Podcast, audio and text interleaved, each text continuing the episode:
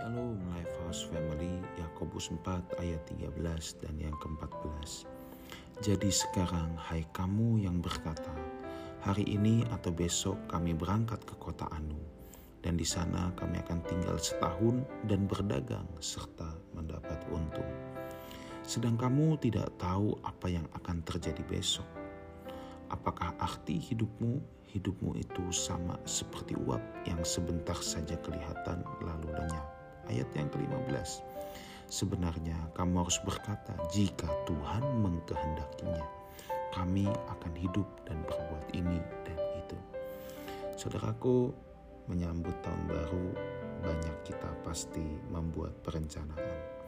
Menyambut tahun baru banyak orang pasti uh, membuat segudang uh, keinginan, wish list apa yang ingin ia lakukan, saudara ya, uh, di tahun yang baru ini. Saudaraku membuat perencanaan itu tentunya bukanlah hal yang salah. Ya, orang yang tidak membuat perencanaan, ia sedang merencanakan untuk gagal. If you fail to plan, you plan to fail. Begitu kata pepatah umum. Dan saya sangat setuju dengan pepatah itu. Orang yang tidak membuat perencanaan, ya, ia sedang merencanakan dirinya untuk gagal. Tetapi saudaraku, dalam membuat perencanaan, ada hal yang perlu kita camkan baik-baik. Bahwa hidup kita itu seperti uap, ya. Sebentar saja kelihatan, lalu lenyap. Artinya apa? Kita tidak tahu hari esok. Kita tidak tahu, saudaraku. Ya. Ada orang yang berkata, itu ada orang yang tahu akan hari esok. Enggak, saudara, kita tidak tahu hari esok tidak ada yang tahu berapa panjang umur manusia. Tidak ada yang tahu kapan kita mengakhiri hidup kita ini.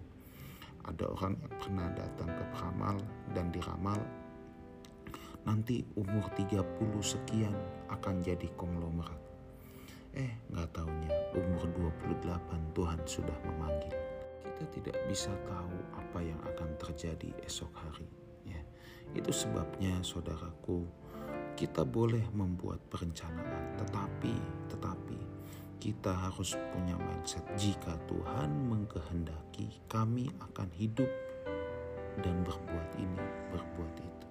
Jadi semua perencanaan kita itu harus berdasarkan Tuhan. Itu harus meminta persetujuan Tuhan. Bukan kita paksa Tuhan menyetujui rencana kita, tapi kita yang meminta persetujuan Tuhan. Jika Tuhan menghendaki, kalau Tuhan tidak menghendaki, ya tidak apa, jangan jadi kecewa.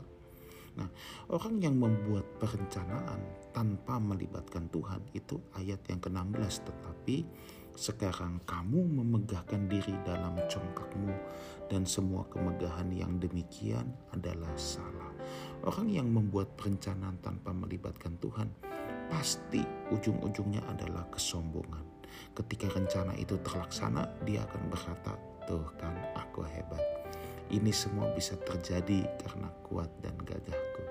Nah, saudaraku, menyambut tahun baru ini tidak apa kita membuat rencana, tapi ingatlah, saudaraku, ya, kita harus melibatkan Tuhan dalam semua perencanaan kita. Dan kalau ada rencana kita yang tidak berjalan sesuai harapan kita, kita jangan jadi kecewa, sebab sutradara kehidupan ini bukan kita sendiri, tetapi Tuhanlah yang menjadi sutradara kehidupan kita. Selamat menyambut tahun baru, Happy New Year untuk Lifehouse Community. Doa saya kita semua senantiasa melibatkan Tuhan dalam setiap perencanaan kita. Tuhan Yesus menyertai kita semua. Amin.